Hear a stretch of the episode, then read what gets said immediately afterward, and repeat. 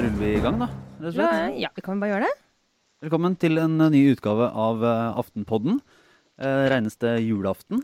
Eh, igjen, eh, Trine Eilertsen, eh, politisk redaktør. Du er på plass fra eh, relativt fjernt. Hvor er du der for noe? Jeg er på Tempelseter Eggedal på fjellet. Høstferie denne uken. Og kjempetiming. Du har rett og slett i god Aftenpodden-tradisjon eh, avbrutt eh, ferien din. Jeg har sett meg nødt til å avbryte ferien pga. begivenhetene. Ja. Er et, det var et godt og modent valg, Trine. Og det eneste du kunne gjøre i denne situasjonen. Nå lander jeg i denne situasjonen, måtte jeg nesten det. Ja, det er veldig bra. Og eh, Sara Sørheim, kulturredaktør. Velkommen. Hello, takk. På plass i selveste Akersgata 55. Eh, Og jeg er Lars Klomnes. Eh, Vi har, eh, vi har eh, den store Jens Stoltenberg-bokdagen i dag. Og så har vi en pågående potensiell regjeringskrise.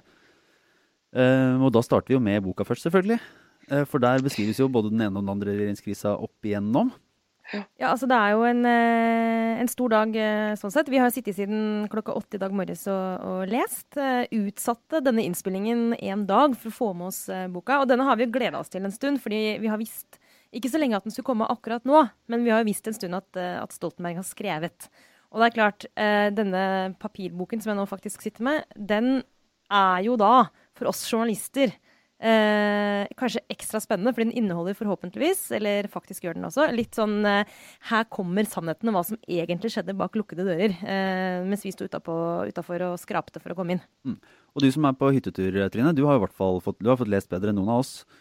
Jeg har fått lest det og sittet her eh, i ett og, og bladd igjen. Jeg skal innrømme hoppet over noen eh, kapitler som handler om privatliv privat eh, og familie og litt sånn som det. Det som gikk på følelser, det bare hoppa du over. Holdt meg til politikken. Um, og har uh, Jeg må si jeg har kost meg, oppriktig. Det har vært sånn, uh, Selv om du kjenner mange av sakene, uh, så syns jeg det har vært spennende å, å lese hans fremstilling av det. For det er jo en slags, det må jo sies å være en, en historietime i moderne norsk politikk.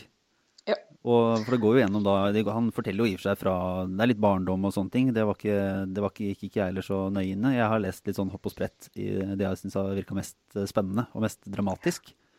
Men, Men eh, han men har er jo jo vært Mm. eh, på toppen av norsk politikk eh, og statsråd eller statsminister i nesten 25 år.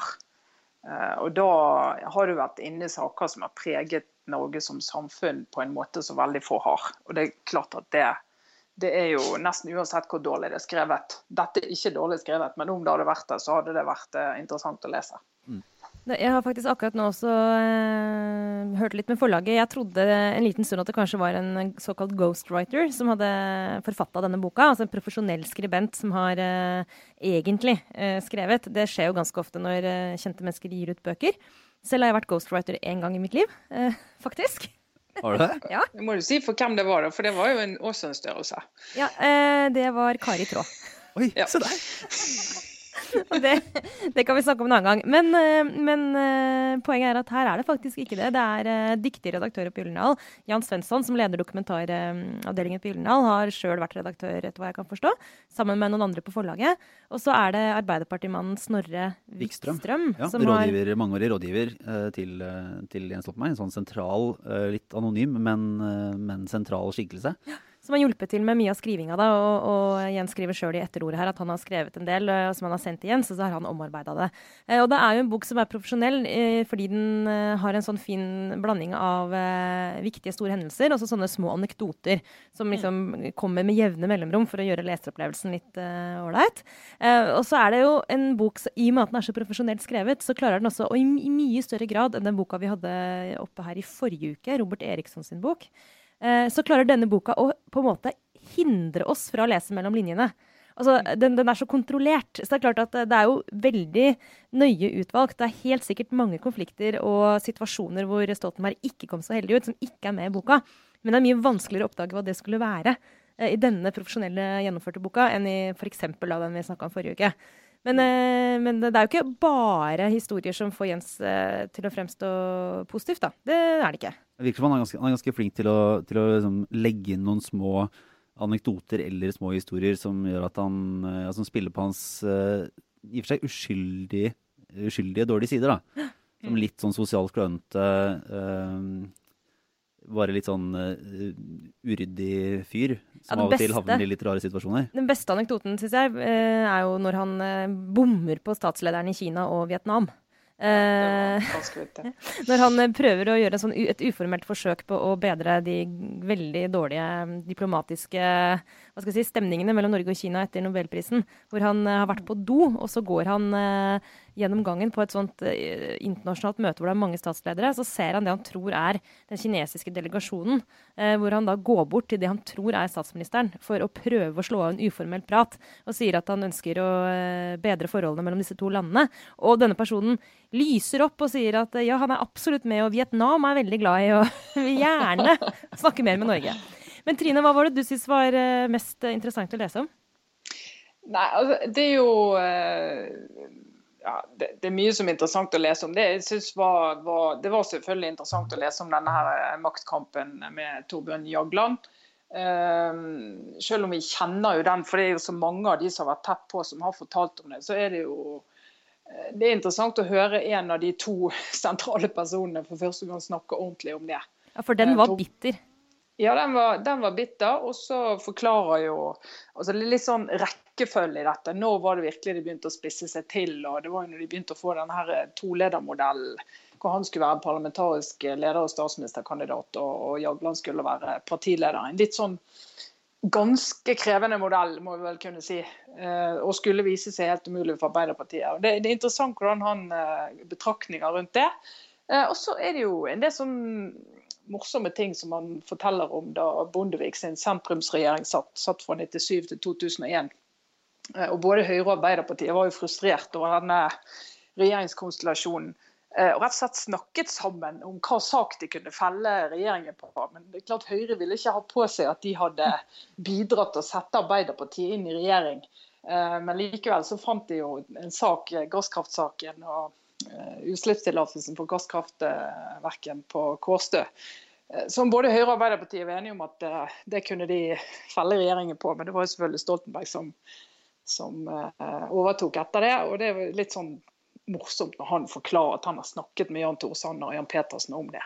Men dette er jo da jeg og Lars gikk på ungdomsskolen omtrent, Trine. Så eh, jeg husker ikke hvordan dette ble dekka i, i mediene. Men, eh, men var det helt ukjent for eh, dere som jobba med politisk journalistikk da? Nei, altså, jeg snakka sammen? jobbet ikke med politisk journalistikk da, jeg begynte rett etterpå. Så vel, jeg er gammel, Sara, men jeg er jo ikke så gammel heller. Det er ikke helt Metusalem, not yet. Ja, jeg begynte akkurat da, Jens overtok som, som statsminister i 2000. Ja, jeg begynte vel jeg begynte i 99. 99-2000, så jeg fikk jo med meg de her eh, rundene før han ble statsminister. Men, Men i, jeg bare lurer på, i, den, eh, i konflikten med Jagland, der må jeg vel Nå er det bare, bare sånn menneskelig antakelse antagelse at, at, eh, at det er en litt, selv, også en litt selvrettferdig gjennomgang, det også. Det er, det er vel umulig at, at, eh, å forvente av at Jens Stoltenberg skal være helt nøktern og nøytral i hvordan han beskriver en såpass grisete maktkamp? Ja, altså han, han får uh, tydelig frem svakhetene til Torbjørn Jagland. Det uh, gjør han. Eh, så at han var så altså, va, altså, var vanskelig for han å ta kritikk, for, beskriver han. Eh, og han trakk seg mer og mer bort egentlig fra de han burde samarbeide med, og, og særlig hvor vanskelig det var når han var statsminister. Du vet, Han ble statsminister uten å ha vært statsråd i ett minutt før. Så ble han rett og slett statsminister i Norge, og det er jo ikke så ofte. Eh, og at de syntes det var litt sånn krevende måte å jobbe på. Han hadde dette norske huset som dere da kanskje ikke husker, som han skulle styre ut fra. eh, som ikke var helt forankret hos de andre i partiet og de andre statsrådene. Eh, men, så, men så sier han jo også selv at eh, vi begynte å snakke bak ryggen på, på Torbjørn, som han omtaler han. Eh, og det er selvfølgelig, det skal man ikke gjøre, men vi, vi så, vi, had- var ingen annen vei, ingen annen måte. Uh, og det, det, helt, altså, det må ha vært enormt. altså du vet Arbeiderpartiet er på 14,5 på en eh, Aftenposten-måling. Uh, er det sto på som verst. Uh, og det, det, I større kriser har jo det partiet knapt vært det. Så Det var i fullt eh, opprør. og Sånn som han beskriver det, så så jo ikke Torbjørn Jagland helt hvor stor krisen var, og trodde at det gikk an å, løse det. da. Han Men han skryter jo også av Jagland, og det kommer jo litt tilbake til hans eh, personkarakteristikker. At de er litt mer nyanserte enn en del andre greier, greier å lire, lire av seg i disse bøkene. For han skryter jo også mye av Jaglands både taler og andre egenskaper han har. Og syns åpenbart det var trist å miste han på en måte som venn, da, eller samarbeidspartner, eller hva skal kalle det. Det er også litt gøy, fordi han, På den ene siden så tegner han et bilde av en, en paranoid partileder som ikke klarer å Eller som ser på en måte spøkelser på høylys dag, og som, og som blir opphengt i det. Altså At Jagland ikke mm. fungerer i hverdagen. Fordi han, han, han, blir så rett og slett opptatt av konflikten, og at han mm. ser problemer der de ikke er. Samtidig som han jo også beskriver at Jagland hadde absolutt all grunn til å være nettopp paranoid. For han ble jo på en måte bakvasket, og det foregikk jo ganske lenge en prosess eh, med mål om at han skulle gå. Ja, det var det, hele tida en, helt en rekke mennesker som mente at uh, Stoltenberg skulle ta over.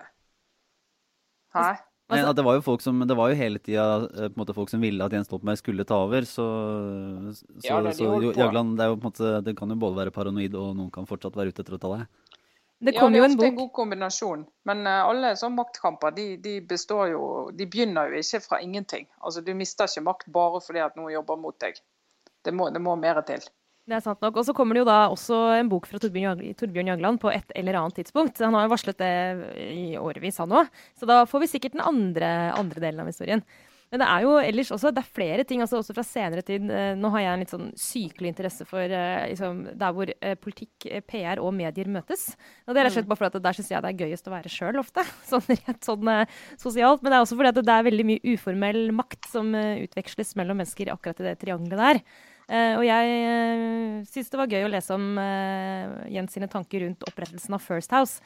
Det er ikke mm. den viktigste scenen i boka sånn sett under liksom, det, i det store bildet sånn norgeshistoriemessig.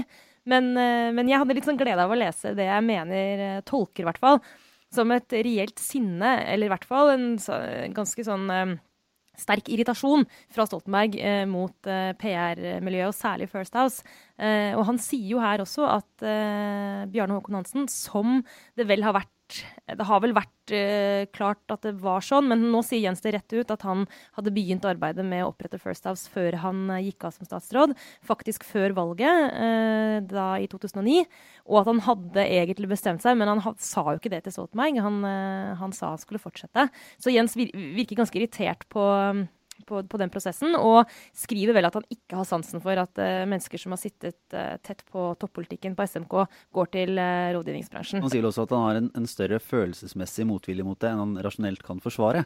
Ja. fordi han har, sånn, han, han, har det litt begge veier. Men jeg syns jo for øvrig at det var interessant å lese om, og så syns jeg det var en av de personene som kommer aller best ut i hele boka, er egentlig Bjarne Håkon Hansen, som Jens Stoltenberg åpenbart så på som en veldig nær eh, samarbeidspartner og samtalepartner, og en potensiell eh, Ap-leder. Mm. Um, og de har jo liksom, han vil alltid gi Bjørn Håkon Hansen større oppgaver og en ny rolle og en, en, ny mulighet. Og de er på tur sammen. Og, så de har hatt, det viser jo litt sånn nære forhold. Og flere av de nære forholdene, ikke minst innenfor PR og også reklame, er jo ganske påfallende. For eh, det viser seg jo at, at Kjetil Try jo har vært involvert i de mest altså dramatiske liksom, diskusjoner og, og, på de store vendepunktene i karrieren og, og, for regjeringen, så har det vært sånn ja, det var, var der med to rådgivere fra SMK og Kjetil Try, ja. mm. som uh, stadig var der da, som, som en sånn skygge. Ja, han har nok en, en, en mye større rolle enn en det tror jeg altså mange har fått med seg. da. Altså Vi har jo skjønt at Kjetil Try har vært helt vesentlig i valgkampene til, til Arbeiderpartiet og vært en veldig viktig rådgiver der og har vel vært ansvarlig for omtrent alt av materiell i en mannsalder. Eh, men at han har vært en så viktig rådgiver også mellom, mellom valg, og, og som eh, Stoltenberg skriver på, på, slutten. Altså når han gikk og vurderte om han skulle eh, stå på listen til stortingsvalget i 2013, så var det jo han han snakket med. Mm. Eh, og som han eh, konkluderte sammen med at jeg, eh, jeg fortsetter. Det er jo også ingen tvil etter denne boka her om at hvis du skal, sånn som vi liker å gjøre i den bransjen her, lage lister over liksom, de mest mektigste menneskene i Norge Hvis du skal ha den derre uformell maktlista, eller liksom The X-Files, bakspillerne, så kan jeg ikke skjønne annet enn at gjennom de rød-grønne årene så må Kjetil Try ha vært en av de menneskene i Norge med størst uformell makt. Eh, totalt, altså Veldig tydelig direkte innflytelse på, på statsministeren. Og i motsetning til da Bjørn Håkon Hansen og Jan Erik Larsen, som også nevnes uh, ofte i, i, boka, som var en veldig nær rådgiver for Stoltenberg. Um, som starta First House sammen med Bjørn Håkon Hansen? Ja, uh, men, uh, men, Jens skriver jo også Jeg kaller han Jens, det er nesten helt pinlig. Sånn blir det etter å ha sittet en hel dag og lest boka hans. Stoltenberg, for å være formell. Stoltenberg skriver jo at han måtte kutte ut kontakten med, med, Larsen etter First House. At han sa nei til å komme i 50-årsdagen hans, eh, enda det gjorde vondt både for han og Larsen, etter hva jeg kan forstå. Eh, og, og, så seg nødt til å rett og slett slutte å ha eh, et fortrolig forhold til de to, fordi at han ikke kunne vite hvem de snakka med eh, som PR-rådgivere. Men med Try derimot så har han jo aldri hatt den utfordringen. Og nesten litt rart er det, fordi Eh, Kjetil Try ja, han driver et reklamebyrå, men eh, Try som selskap er mer og mer nå i ferd med å bli et rådgivningsbyrå også i PR-saker. Faktisk har de også PR-konsulenter ansatt. Ikke, ikke, minst fordi de har hentet en annen svært nær Stoltenberg-rådgiver, Sindre Fossum Beyer, til å dreve med strategisk kommunikasjon under Try-paraplyen. Så dette er litt interessant, fordi First House er altså helt pariakastet, mens eh, Try åpenbart ikke er det. Så dette handler også litt om hva slags type oppmerksomhet disse ulike selskapene får i mediene. Fordi mm. First House får så negativ omtale. Jeg, mis, ja, jeg, jeg syns det høres litt, litt, utrolig ut at etter så mange år med, med nære samtaler og nært vennskap, at, uh, at, det i hverdagen ble så avkutta med Bjørn Håkon Hansen og Jan Erik Larsen. Men det får stå som en, en analyse. Ja, I den grad det å ikke komme i noens 50-årsdag eh, er det mest iskalde man kan gjøre, så skjedde i hvert fall det. da, Det tror jeg ikke er noen grunn til å tvile på. Men det er klart, vi vet jo ikke. Som jeg var inne på i stad, dette er jo en eh, hva skal vi si, Det er en subjektiv fortelling. Det er masse som ikke er med. Jeg skulle gjerne likt å lese førsteutkastene, men det får vi håpe Eller ja. Jeg skulle bare egentlig tenke for Noe av det jeg bet meg merke i, er at, at uh, når man blar opp, så er man interessert i å, å lese liksom, vurderingen til Stoltenberg av ulike personer, og, og hvordan man da ser på uh, ser på dem også, både, både, venner og fiender, så å si. Uh, og som du nevnte, Sara, så er det jo ikke det er ikke sånne veldig spisse personkarakteristikker i utgangspunktet. Eller er i hvert fall ikke så veldig utmalende. De er ganske, de er ganske nøkterne og kortbygde. Men, men en kan jo lese litt der. Så du kan lese litt mellom linjene på noe. F.eks. beskrivelsen av Liv Signe Navarsete, uh, som jeg syns er ganske, ganske, drepende, egentlig. Der, hun, der, det påpekes at hun har, har et voldsomt temperament og kunne kjefte og smelle og sende sinte SMS-er. og det er noe det er nå én ting, men han forteller også om liksom timelange diskusjoner om eh, litt sånn perifere spørsmål fra Sogn og Fjordane. Mm. Og sier rett ut at eh, Navarsete i flere omganger var mer opptatt av sine eh, personlige politiske engasjement enn Senterpartiets interesser. Mm. Og det er, ganske, det er en ganske grov eh, politisk eh, anklage da, mot en partileder. Ja, og han sier jo egentlig der du har helt rett, Lars, mellom linjene, at hun er uprofesjonell. Det er det han egentlig sier der. At hun ikke klarer å skille mellom viktig og uviktig, og at hun ikke klarer helt å, å, å ha den rolleforståelsen som det egentlig kreves da, i den situasjonen der. Det tegner i hvert fall ikke sånn veldig, veldig altså En av de som har vært uh, skarpeste uh, kritikerne mot han, er jo Carita Bekkemellom i sin bok. Når hun beskrev han som leder. og Det har jo vært uh, en av de personer man kan være litt spent på å se hvordan svarer han på det. Men han er jo veldig fair med hun, egentlig. Eh, og skriver at eh, han ville ha inn Manuel Manuela Ramin Osmundsen. Han ville bytte statsråd på det området, og da måtte Bekkemellem ut. Og Hun ble jo utrolig sår for det. Jeg Har jo skrevet side opp og side ned om det i sin bok. Men han, han, han, går, han, kritiserer ikke hun veldig mye. Han sier tvert imot jeg likte at hun var så synlig. Hun var litt fraværende akkurat i en periode der. Men det er sånn alle statsråder kan ha litt dårlige perioder, så kommer de tilbake. Så han sier tydelig at det var ikke det at han var misfornøyd med hun som var grunnen til at hun måtte gå. Han egentlig snakka varmt om han. Ja, Han sier jo til og med at han vurderte å ta henne tilbake igjen i regjering seinere, da Manuela måtte gå. Eh, men at det bare ble med tanken, som han sier. Sikkert litt irriterende for Carita å få den sånn. Hun visste sikkert ikke det før nå, antar jeg, at han sånn tenkte på det, men han la det fra seg. Men det er, litt, det er, vel, det er vel, den linja Stoltenberg har lagt seg på i den boka, er at han han prøver jo eh, stort sett å heve seg over en del sånne konflikter. Og, ja, det er jo mer liksom sånn statsmannspreg på det. og det, det Beskrivelsen av uh, Gerli Valle er jo rett og slett ganske vittig. Når han forklarer hvordan uh, han, han, brydde seg ikke så mye om, om, at hun absolutt skulle tale først og gå først inn døren på møter. og være litt sånn. Uh, så han prøvde å være litt sånn fleksibel vis-à-vis henne, men har merket lite av den fleksibiliteten i retur. og det, i den, Bare i den setningen får han jo sagt veldig mye. Eh, I tillegg til at han beskriver eh, hardkjøret hennes på, eh, på både sykelønnsordning og, og, et par andre forslag, så merker du jo at det har vært en svært stor belastning. Men han, det er også litt gøy sånn, sånn dobbelthet der, at han, han, sier flere ganger i boka at 'jeg er en liberal person'. Og som du er inne på, Trine, så viser han sjøl ofte sånn Han fremstiller seg selv som litt sånn 'jeg var raus, hun var ikke det'.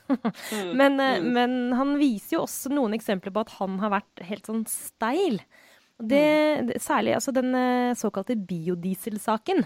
Som jeg må innrømme, jeg husker da jeg begynte å jobbe i Klassekampen som kulturredaktør, og akkurat da så var den saken i mediene. Og da husker jeg at daværende politisk redaktør i Klassekampen, Anders Horn, babla i vei om biodiesel hvert eneste sånn ledermøte vi hadde. Og jeg var bare helt sånn Jeg skjønner ingenting av denne saken. Hvorfor i all verden er dette så viktig? Eh, etter hvert gikk det opp for meg at eh, det, samme det med biodieselavgiften, ikke så farlig med den, men at den var viktig fordi her var det en sak hvor det var faktisk in, høyt konfliktnivå mellom de tre samarbeidspartiene. At det var det som gjorde den saken interessant. Og nå var det litt gøy å få se den fra Stoltenbergs side, fordi han innrømmer jo her at han egentlig var for insisterende fordi han hadde gitt seg på en tidligere sak, så han tatt seg litt sånn faen på, som det heter der jeg kommer fra, at han ikke skulle gi seg igjen. Eh, og jeg tror nesten han tar litt selvkritikk på at han var for steil i den ja, altså, saken. Han sier jeg hadde saklig rett, men av og til så er ikke det politisk klokt å stå på det. Du må liksom se på dimensjonen og hva det koster. Det var det så han mener jo at han hadde saklig rett i både saken om grønne sertifikater og biodiesel, men han ga seg på den første, men han skulle ikke gi seg på den andre. Det er vel strengt tatt ikke så mange eksempler på at Jens Stoltenberg sier han tar saklig feil. ja, det, det, er faktisk litt sjarmerende å si at jeg er ikke kristen, jeg er ikke muslim, jeg er ikke buddhist, jeg er keynesianer. Han uh, ligger også et par av de sånne litt sånn uh, us, si, litt uhøytidelige historiene om seg selv. Der han ender opp forteller sånn på ei hytte der han står og blir dusja av Var det dusja av Bjarne Håkon Hansen i en vannslange ut et vindu? Ja, dette var en sånn det var... Mens han sto naken og ble overrumpla av et par svenske damer. Hvor han sier sånn eh, altså, eh, Bare for at lytterne våre skal være de som ikke har lest boka. altså Han er og går en fjelltur med Bjarne Håkon Hansen og hans daværende kone. Eh, som jo som kjent eh, ikke er hans kone lenger nå, etter et eh, litt sånn grusomt brudd. Men det er en annen sak. Bjarne Håkon Hansen, altså. Bjarne Håkon Hansen, ja. Og, og, kona til altså Ingrid Skjulerud, kona til Stoltenberg. Disse to parene gikk tur i fjellet, og hensikten var, hvis jeg forstår det riktig, at Stoltenberg ville overtale Bjarne Håkon Hansen til å ta en ny periode og til å ta gjenvalg på Stortinget. Eh, han hadde skjønt at han vurderte å gå ut av politikken, og ville forhindre det. Det er den turen, ikke sant? Og så ender det opp med at de, de tar seg en dusj, og så er Stoltenberg da helt naken. Og så kommer disse damene forbi, og så sier han bare «Øh, Hei, øh, jeg står her og dusjer, jeg. Hvorpå de svarer sånn Ja, det ser vi. Men, og, og små, små, episoder mer scener da, som tegnes opp. Men jeg tenkte for å gå til det store, egentlig. Det var det var eh, bare en siste liten ting fra, fra boka som jeg syns var interessant. Eh, det er jo denne, denne, dialogen som gikk i Arbeiderpartiet og blant de rød-grønne i 2013. Eh, ja. På om man rett og slett ville tjene på å bryte opp regjeringen. Mm. Bare noen da, ja, ni måneder før, før, valget, rett og slett. Og, og forteller jo om uenighet helt opp i toppen. da. Og nevner jo da bl.a. At, uh, at rådgiver Sindre Fossum Beyer og, og, Amundsen, og Amundsen, Hans Christian Amundsen, Amundsen som, som da var statssekretær og nå er vel stabssjef i, i stortingsgruppa, mente at et brudd var noe man burde ha. Og Trond Giske mente at man burde ha et brudd, og at SV burde se det selv. At de var tjent, på, tjent med å gå ut av regjeringen, og at de eventuelt burde få det fortalt av Jens Stoltenberg dersom de ikke så det. Så, det, det, mm. det, var interessant. det der, fordi at, altså, Jeg husker jo i den tiden her, når vi snakket med Arbeiderpartifolk på bakgrunn, så kunne jo de fortelle at de hadde målinger og fokusgrupper som viste at eh, de hadde gjort det kjempemye bedre hvis de ikke hadde samarbeidet med Senterpartiet og SV. Altså det, De opplevde de som en klamp om foten, og irritasjonen var begynt å bli stor. De var litt sånn eh, ja, det var så gammelt ektepar som var begynt å gnage på hverandre for smått og stort og skulle ha gjenytelser for alt mulig i alle retninger. Og, og opplevde nok at hvis vi hadde gått til valg og sagt at Arbeiderpartiet alene, så hadde de vært mye sterkere rustet til å møte Erna og Høyre og, og de borgerlige. Men så var jo diskusjonen var jo i SV også. Er vi tjent med å gå inn i en valgkamp med denne børen på ryggen, eller skal vi bruke de siste månedene før uh, valgdagen til å være rene og ranke og vise hva vi egentlig ja, står for? Så forteller jo egentlig Stoltenberg sier at han var blant de som var usikre, og så var, var Jonas Gahr Støre og, og, Helga Pedersen blant de som ville fortsette i samarbeidet. Men, mm. men sånn som historia utspiller seg, så ender det jo nesten med at, at Jens Stoltenberg han tar aldri noe klart valg i dette, eh, men ser at, at spørsmålet om EØS-tilknytning i neste stortingsperiode er en sak der det kan bli brudd. Uh, fordi både Senterpartiet og SV da erklærte at, at de mente at, at, tilknytningen til EØS ikke lå fast ved et eventuelt nytt regjeringssamarbeid. Ja, de var liksom ute og lufta litt om de skulle ta en ny runde på, mm. på EØS. Og da, og var, da, sa jo faktisk Arbeiderpartiet at, og Jens Stoltenberg at de var klare til å kjøre et ultimatum på dette. Og så, så, så, bøyde rett og slett Senterpartiet og SV av. Og, og som, som, Stoltenberg da noterer, det var, det var, enkelte som ikke var, i Arbeiderpartiet som ikke var helt fornøyd med at, med at SV og Senterpartiet faktisk eh, ville fortsette. Da heller da ville sett at, at, det ble et brudd. Og mange som ønska seg et brudd da. Helt, eh, det, det, var helt tydelig. Men det, det, jeg ikke var klar over, var at uh, han skriver dette var den største krisen den rød-grønne regjeringen var oppe i. Det var aldri så nærme et brudd som da. Uh, og apropos dagens sak, da, uh, for å komme litt tilbake der, der vi starta. Mm. Eh, så, så, er det jo sånn at vi nå i mediene fremstår det i dag som at den blå-blå regjeringen kan gå mot en slags krise eh, pga. uenigheten rundt budsjettet. Men spørsmålet er jo om, om dette er et mye mer regissert spill enn det vi vet, og at det egentlig er mer avklart eh, på bakrommet enn det det ser ut som akkurat nå når dette utspiller seg mens vi er i studio.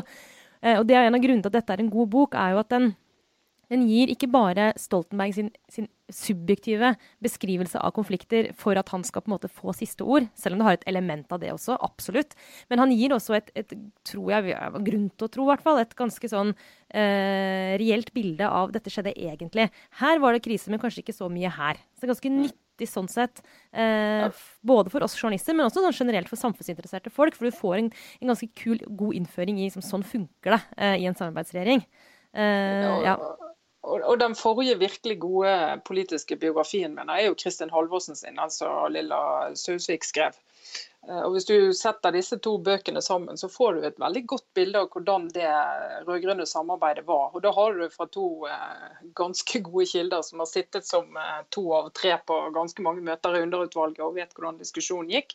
Og det, jo, altså det å få disse epokene fra forskjellig ståsted er avgjørende for å få et bilde av hva som faktisk skjedde. Uh, og så ser du den store forskjellen på når du har boken til en enkeltstatsråd som har sittet i ett år eller to år eller tre år, og til en som faktisk har vært uh, statsminister, hatt forskjellige statsrådsposter, holdt på på rikspolitikk, topplan i så mange år. Uh, hvor mange saker som er veldig store for en enkeltstatsråd, blir ganske små for en eh, Jens Stoltenberg å få satt ting litt i, i perspektiv. da. Mm. Så oppsummert, eh, Trine. Du, nå, jeg, jeg, kjenner litt på at eh, fader skulle kanskje vært litt mer sånn syrlige eh, og kritiske til denne boka. Men eh, det som kanskje lytterne våre har skjønt, er at det er ikke så lett. For det er rett og slett det er egentlig en ganske god bok. Er du enig i det? Jeg syns det er en god bok. Den er godt skrevet og godt fortalt. Og, ja, og skriveteknisk òg gode ansatser i kapitlet og god variasjon mellom eh, litt småbittige anekdoter og ja, Han forteller om pensjonsreformen, som vi snakket om forrige uke. Det kapitlet må du lese, Sara. Det har hoppet jeg over. Men altså, og, og, og, tar uh, hans første regjeringsperiode, uh, altså da han uh, gikk av med brask og bram i 2001 etter å være statsminister halvannet år, og forteller om alt de satte i gang den gangen. og Det er jo mange som mener at det er en av de beste regjeringene Norge har hatt.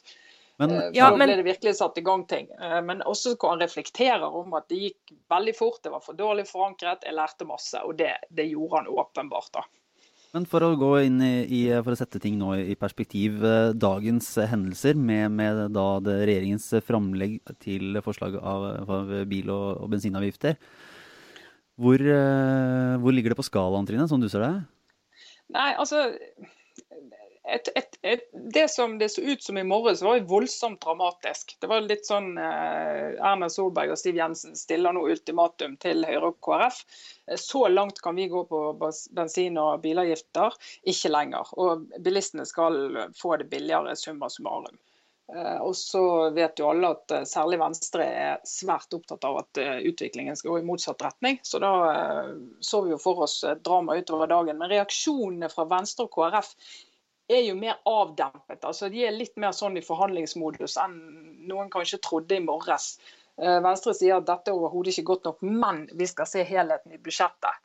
Eh, og nå var jo Litt av hensikten med at de skulle bli enige om eh, bilavgiftene på forhånd, var jo det at det er en sånn trøblesak i budsjettet. Det er kjempeviktig for Frp at bilavgifter ikke øker forskjellige bilavgifter. Og så er det kjempeviktig for Venstre at de gjør det. Mm. Så da, så da skulle vi prøve å snakke om det på forhånd, bare få parkert den saken. Det har de ikke fått til. Og så sier Venstre at da vil vi heller se budsjettet i helhet for å se om totalpakken på klimasiden er, er god nok. Da, så de avventer litt. Og så er det visst nok, så vidt jeg har forstått, ikke helt eh, altså Venstre og KrF er ikke helt samlet i alle disse punktene, alle disse sakene. Så KrF er ikke like ivrig på en del av disse avgiftene som Venstre er. Så det er litt sånn komplisert for de to jo, som pleier vidt, å stå sammen. Så vidt jeg kan forstå, så er det jo et spørsmål litt på hvordan dette såkalte ultimatumet skal tolkes, og, og hva som faller inn under det. For, for Erna Solberg sa da på pressekonferansen da det ble lagt frem altså dette forslaget om å, om å, heve avgiftene på bensin og diesel, men å senke bl.a. årsavgiften, da, sånn at det blir en netto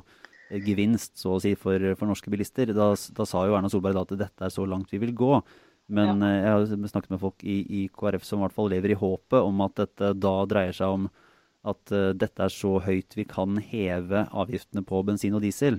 Uh, ikke ja. nødvendigvis uh, at pakken er, er, så langt det er mulig å strekke seg. Sånn at, og, for, og for i hvert fall de jeg snakket med i KrF, så var det ikke nødvendigvis sånn at bensinavgiftene og diesel, dieselavgiftene må ytterligere opp. Men det var ganske uakseptabelt at de andre avgiftene ble kuttet, sånn at at uh, nettogevinsten for bilistene er så stor. da.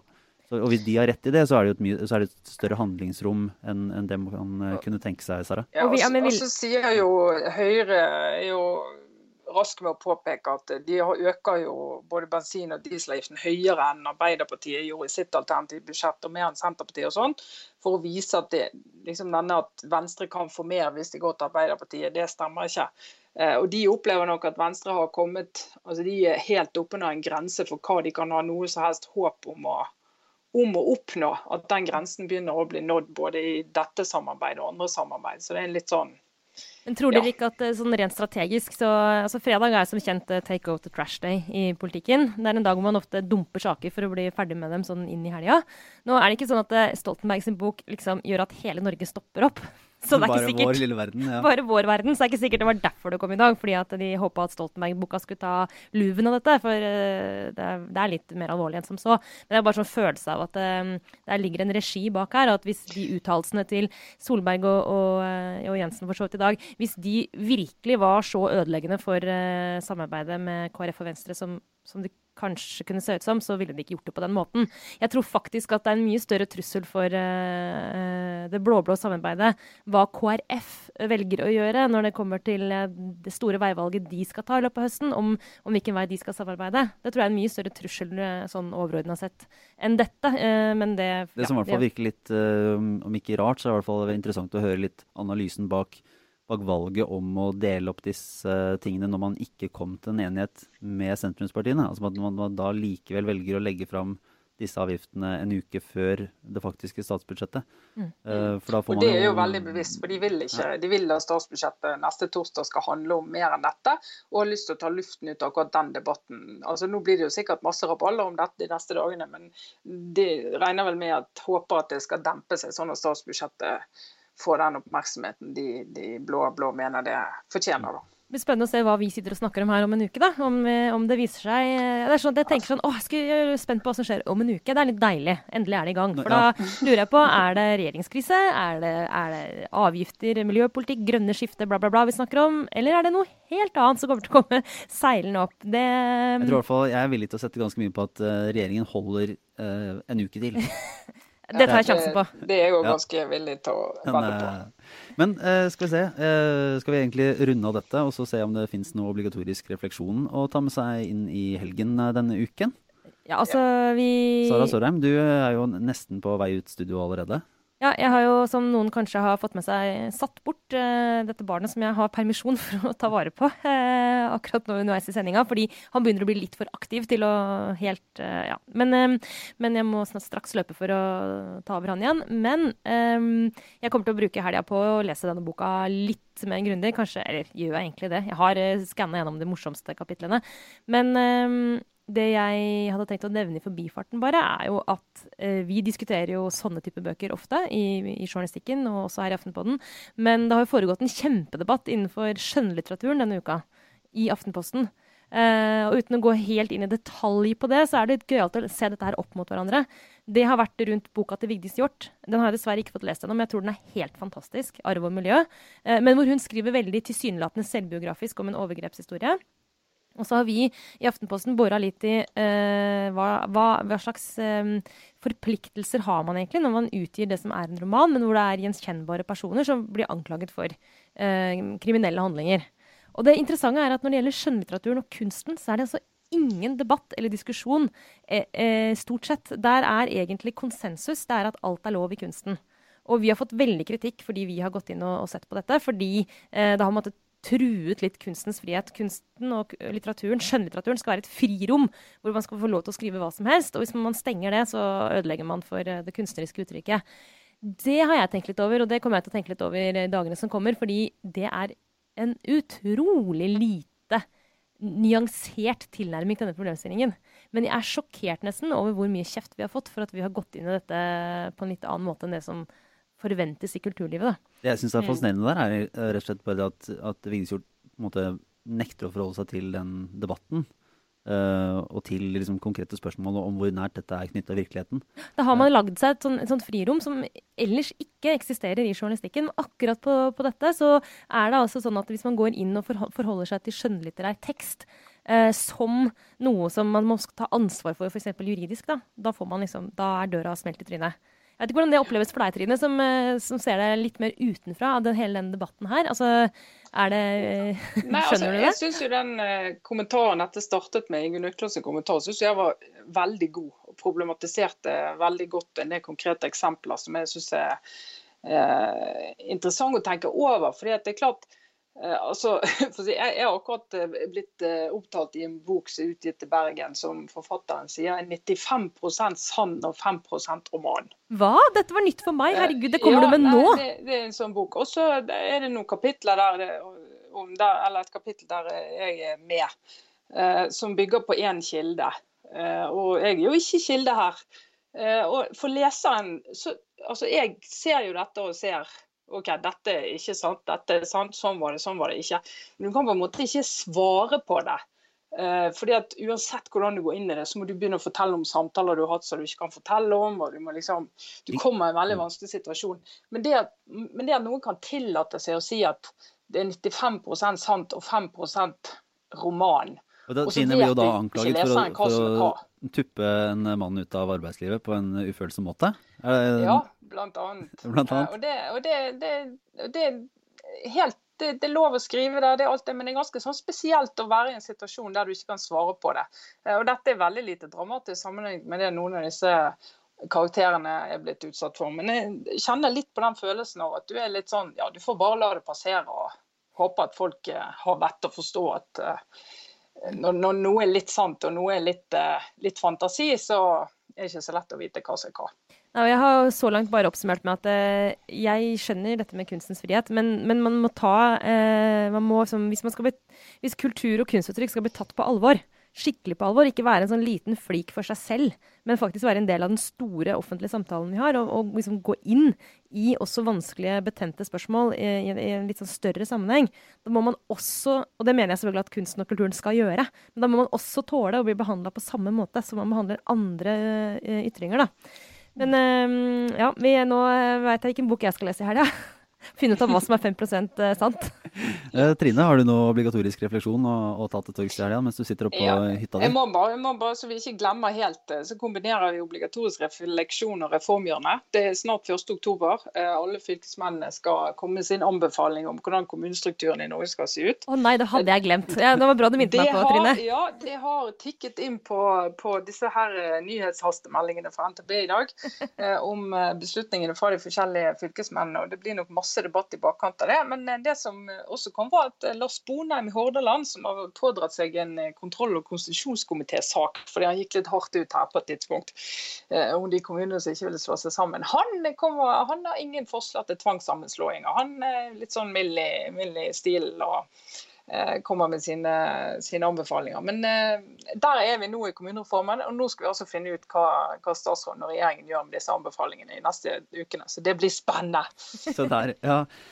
Oh, jeg har egentlig jeg har litt sånn litt diverse. Nå jeg, litt, jeg har et par anbefalinger som jeg lurte på om jeg hadde gitt den ene før. Men jeg er, så, jeg er bakpå da, i serieuniverset. Den, det dramatiske serieuniverset der veldig lite virker uh, sant, og veldig mye virker fiksjon. Men det er gøy for det. Eh, så jeg har først denne uka kommet meg gjennom hele True Detective på HBO. Lars, dette går nesten ikke an å si høyt. Det er altfor seint. sesong én, da, Lars. Sesong, ja, så er det en sånn selverkjennelse, da. Den er jo fantastisk. Ja. Og så, men så vil jeg egentlig, det kan hende jeg har sagt det før, eh, men da vil jeg bare anbefale det igjen eh, å se Netflix-dokumentarserien eh, Last Chance You. Som jeg muligens eh, har nevnt, nevnt, uh, tror jeg, om et amerikansk eh, fotballag. Uh, så da får jeg, ja, det er to, uh, det er to, eh, to anbefalinger. En som muligens alle har sett, og en jeg kanskje har gitt før. Eh, Jo, men eh, det var helt greit det, Lars. vi har prata lenge nok i dag. Du, I dag var det så Ja. mye å snakke om, og det er fortsatt sånn at jeg har fortsatt behov for å snakke om det, men nå skal vi la lytterne få slippe. Eh, nå gleder jeg meg til å høre fra Jeg håper det kommer noen litt sånn sure reaksjoner fra folk som har omtalt i Stoltenberg sin bok. Eh, for eksempel, jeg ser at Jagland har uttalt seg litt, men eh, kjenner jeg han rett, så er ikke han helt ferdig med dette. Så eh, det Han, skal har- han bli gøy. har gitt en slags beskjed om at han ikke kommer til å si noe før han er ferdig med sine internasjonale verv. Men, men Jagland er alltid litt sånn Det går an å kjenne seg igjen i. Nei, dette vil jeg ikke kommentere. Og så er litt sånn verdig å heve seg over det, og så tenke litt. Men, men når jeg først har det på tråden, så vil jeg jo bare ha sagt at Ja, det er akkurat så, det. kom- så noe kommer jo. Verdighet har en tendens til å forsvinne over tid. Ja. Men eh, da får vi rett og slett runde av for denne gang. Eh, takk til deg, Trine, fra, fra hytta. Eh, og Takk. Sara i studio. Eh, jeg er Lars Glomnes. Så kan vi bare igjen minne om den lille Facebook-gruppa vår, der vi deler eh, litt av hvert. Ja. og ellers eh, gi oss eh, ratings og alt mulig slags på iTunes, så fyker vi oppover listen og kan føle oss eh, verdsatt inn i eh, uka som kommer. Og med det så takker vi for denne gang, og så er vi tilbake om en uke. Ha det bra. Ha det!